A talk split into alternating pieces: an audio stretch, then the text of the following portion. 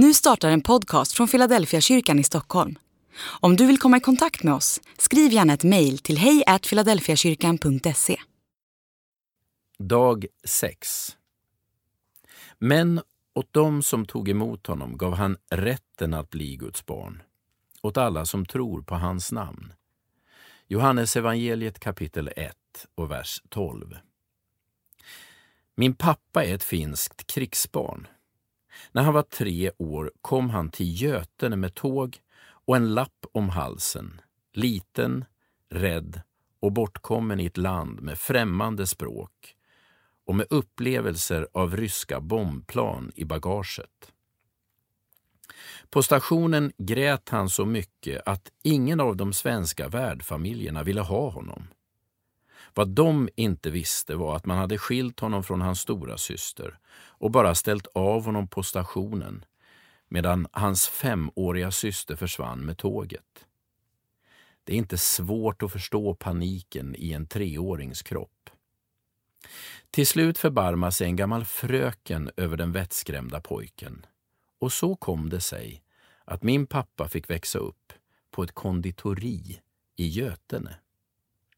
Under andra världskriget fick finska familjer möjlighet att skicka iväg några av sina små barn till Sverige för att de skulle ha en chans att överleva kriget.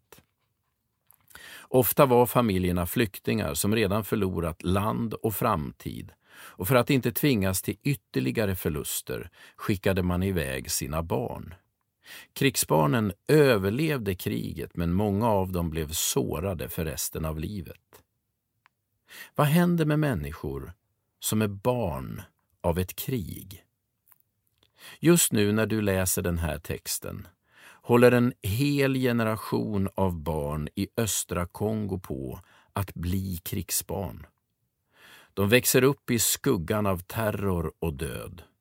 De ser sina föräldrar oroa sig, fly eller i värsta fall lemlästas och dödas. Vad händer med barnen i skuggan av ett krig? Vi vet med säkerhet att det man upplever som barn präglar en som vuxen. Ofta kan man härleda problem i vuxenlivet till situationer i barndomen.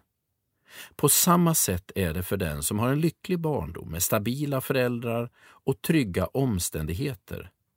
För det mesta leder det till att man får en stabil grund i livet, en sund självkänsla och en trygghet i relationer som ger bra odds i vuxenlivet.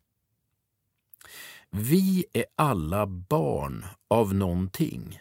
Vi är barn av en tidsanda, barn av ett trauma, barn av dåliga eller goda föräldrar, barn av vår framgång eller vårt misslyckande. Men det Johannes säger är att vår identitet får en ny grund genom Jesus. Vi blir barn av Gud. Det som har definierat oss är inte längre vår egen bakgrund, vare sig den är bra eller dålig. Vi är inte längre krigsbarn eller barn av 1968. Vi är inte generation X eller Y, med allt vad det innebär. Först och främst är vi barn av Gud. Andlig övning. Låt din tanke ta fasta på att du är barn av Gud. Håll kvar den tanken och återvänd till den under hela dagen.